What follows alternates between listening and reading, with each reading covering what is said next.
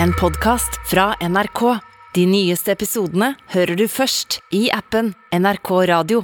Fredagspanelet er samlet. Velkommen, Monica Haugen, psykolog, styregrossist, det heter det jo når man sitter i mange styrer, og funkisaktivist. God morgen. God morgen. Hva er funkisaktivist? Funkisaktivist er jo det å være opptatt av funksjonshemmede sine menneskerettigheter. På et aktivistisk vis. På et aktivistisk måte, ja. Hanne Tømta, regissør. eh, Teatersjef eh, veldig lenge, men nå bare regissør, ikke sant? Bare regissør. Veldig ikke deilig. bare bare. Holder for meg. Kai Hanner Schwint, førsteamanuensis ved Høgskolen Kristiania, medieviter, humorforsker og en av programlederne i podkasten Tyskerne. Riktig. Hallo, god morgen. God Morgen. Eh, Og når det gjelder eh, nye medier og sosiale medier, så er det en nyhet fra denne uken. Videotjenesten TikTok eh, er en av de største kildene til feilinformasjon om krigen i Ukraina. Det har BBCs faktasjekkere funnet ut, men også andre som driver med slikt. Og dette er jo da kanskje et av verdens viktigste medium for unge mennesker over hele verden. Men samtidig så er jo disse sosiale mediene da steder hvor du kan få nettopp ufiltrert, viktig, riktig informasjon rett fra kildene. F.eks. angrepene på sivile i forstadene til Kiev. Det begynte noe av det på sosiale medier til den nyheten. Klarer vi å se forskjell på det vi ser i vanlige medier og det vi ser på sosiale medier? Kai? Eh, ja, men. Hanne? Nei. Monica? Ja! Er du så trent? Om jeg er så trent? Jeg, jeg tror på folkene. Mm. Og sosiale medier, for det første, ikke sant? For det første så sosiale medier, og kanskje spesielt TikTok, da, er jo en utrolig bra kilde for å øke engasjementet til ungdommen vår, som er, som er viktig. Altså samfunnsengasjement er jo viktig, uavhengig av uavhengig, ikke sant. Jeg tok en test med ungene mine før jeg kom hit i, i, i dag, for å sjekke, ikke sant. Eh, tror du på alt det du, eh, det du får inn på sosiale medier? Og begge ungene mine sa 'mamma, er du dum'? Det gjør vi jo selvfølgelig ikke. Så eh, ja. Har, har du like stor tiltro til ungdommen? Ja, både ja og nei. Altså man, eh, de er jo ganske media-savvy, som vi sier i forskningen med, med eh, sosiale medier. Men det jeg ikke har så stor tro alltid er redaksjonsstyrte medier som da bruker sosiale medier som, som primærkilder iblant, ikke sant? med denne interne medielogikken som uh, også de redaksjonsstyrte her og var liksom først ute, og at man mangler tid og kanskje også iblant litt sånn vurderingsevne til å klare å dobbeltsjekke det som, som skjer da. Så den, den grensene for, forsvinner litt. Det syns jeg er litt bekymringsfullt. Jeg har jo som Monica større tro på ungdommen og framtiden enn min egen generasjon.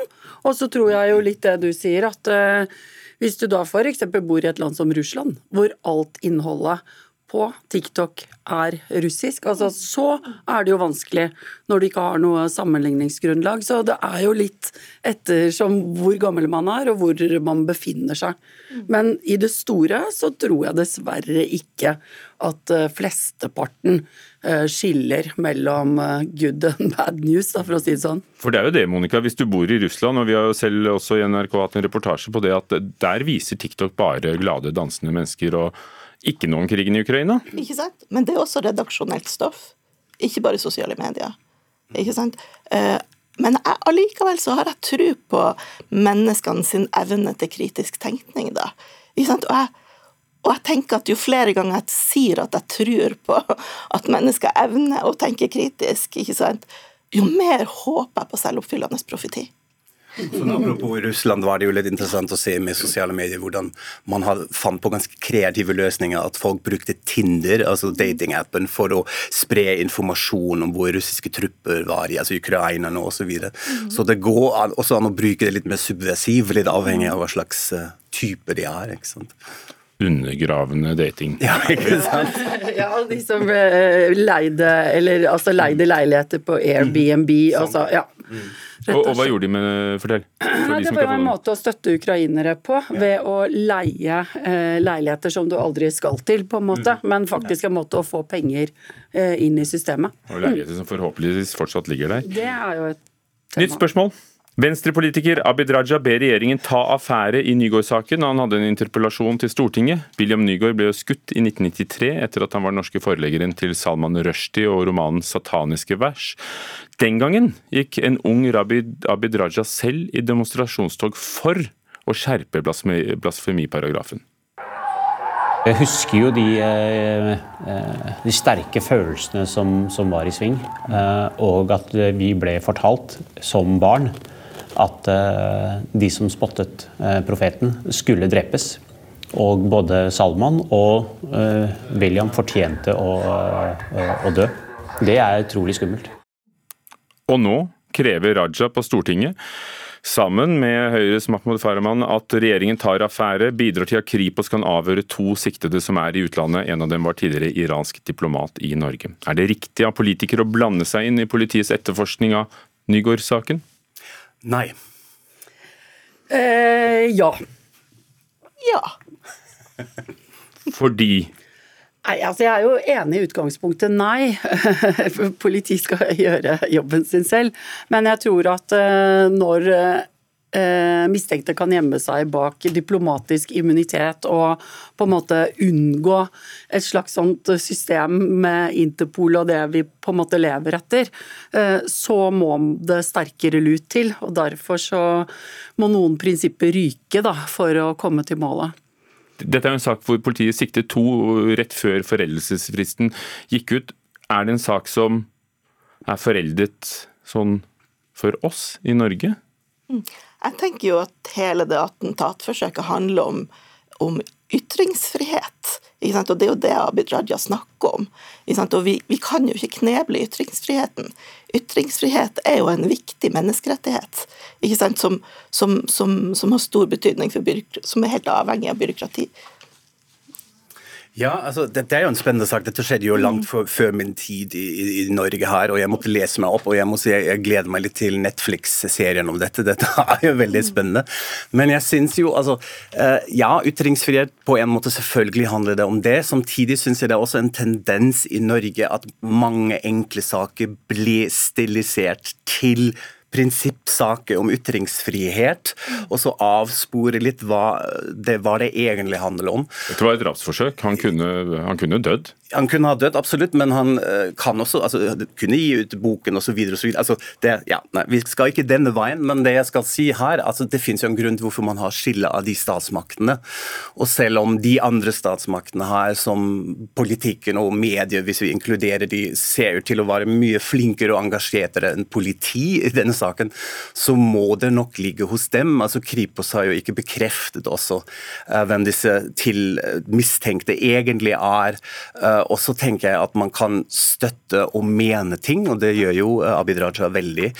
Man kan også, hvis man syns at politiet gjør en dårlig jobb, ikke støtte kutt i budsjettet, som Venstre også har vært med i offentlig, også med politiet og sånn, men ikke lede an og blande seg inn på den måten, tror jeg.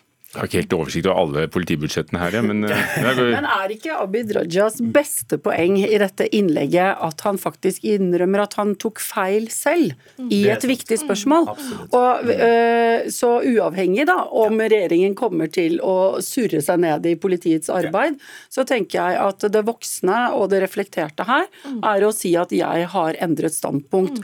Og det gir for meg artikkelen verdi. Mm. Ja, absolutt. Og det er jo det som er litt ekstra interessant, hvor mm. personlig det er for han. Så det, jeg forstår det godt. Han har gode poeng, absolutt. Ja. Som psykolog, Monica, hvilke tanker gjør du deg om den, den forandringen som har skjedd hos uh, Raja, vår tidligere kulturminister? Ja, det er jo, kjempe, altså det er jo kjempeklokt, ikke sant. Men i utgangspunktet så tenker jo jeg at, at det er en av hovedoppgavene til stortingspolitikere å blande seg opp i hvordan Norge blir drifta, da. Mm. Nytt spørsmål med Nygaard-saken finnes ennå, og også tyskeren her har da lært om den.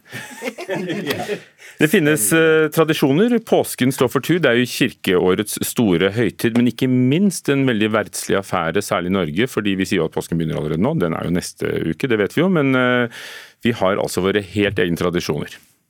God aften. Mitt navn er Cox. Sånn var det i gamle dager. Det er ikke sånn nå lenger. Radioteatret er ute med en podkast. Fire frittstående episoder som kan lastes ned fra appen NRK Radio allerede i dag. Jeg bare nevner det. Eh, men alle TV-kanalene har jo også eh, sine serier og ikke minst bøker. Trykkes på deg overalt, fra kioskene til bokhandlene. Men er påskekrim, som jo er en veldig norsk affære, er det en tradisjon? med fremtiden for seg. Ja. Ja. Ja, gjerne det. Men har du selv falt for den? Nei, ikke helt. Eh, Jeg syns jo det, det er veldig søtt at dere gjør dette her, må jeg si. Dere her i Norge. Eh, Det, det er veldig morsomt eh, å se det, fordi jeg først skjønte ikke helt hva det betydde. Altså Påskekrim, snakker man om å løse gåten til drapet av Jesus, eller hva handlet dette om? Ah, nei, de leser faktisk bare krim. Og så har jeg lest meg litt opp da òg, at det er på en måte en sånn reklam, vellykket reklamekampanje fra en bok som kom ut i 23 Bergen-toget inntatt i natt, eller sånn. Så jeg tror hovedsakelig er det her bokbransjen som har klart å etablere en veldig fin sånn markedsføringsstrategi, ikke sant, at de får en sånn motvekt til bokhøsten. Så har vi også bokpåske, og så kjøper vi alle mange krim, krimbøker. Men dette er jo dette er sånn sett bare gøy. Jeg måtte tenke på britisk historiker, Eric Hobsbawm, som snakker mye om 'invented tradition', altså oppfunnede tradisjoner. Og dette her syns jeg er et sånn fantastisk eksempel for dette. Monica, skal du kaste over 'Bergenstoget plyndret i natt', var det den het? Ja. Ja, ja. Det er en klassiker. Jeg tror den fins på film òg. Stumfilm. jeg tenker jo, ikke sant, vi, nor vi nordmenn vi er innmari opptatt av tradisjoner. ikke sant? Vi så jo i fjor når Tine prøvde å fjerne påskekrimmen fra melkekartongen. Ja, det var jo ramaskrik. Og når Vredens Gnag hadde en sak der de sa at NRK hadde planlagt å fjerne eh, Grevinnen og hovmesteren fra TV, fra på TV på lille lillejulaften. Altså, det, var jo, det ble jo også ramaskrik. Og underskriftskampanjer og ikke sant. Så, ja, Men er tradisjoner viktig for oss? Jeg spør deg igjen som psykolog. Ja, ja, tradisjoner er kjempeviktig. Det handler jo om vår identitet. Så det er jo kjempeviktig.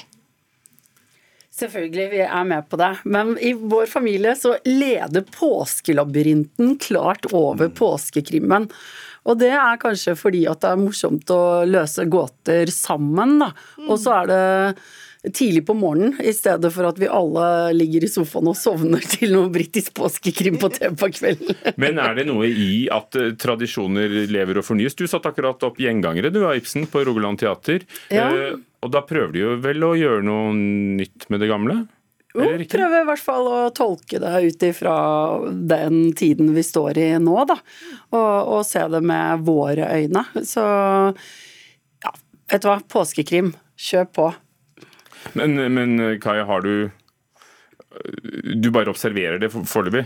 Ja, altså Jeg har jo lest krim, men ikke nødvendigvis i påske. Jeg synes det er en sånn rar impuls. Men jeg, skal, jeg lover, vi kan gjøre det. Vi, vi gjør en deal. I år skal jeg lese påskekrim. Ta, sette meg ut, spise appelsin og en Kvikk Lunsj, full pakke. Jeg gjør det. Skal vi si det sånn?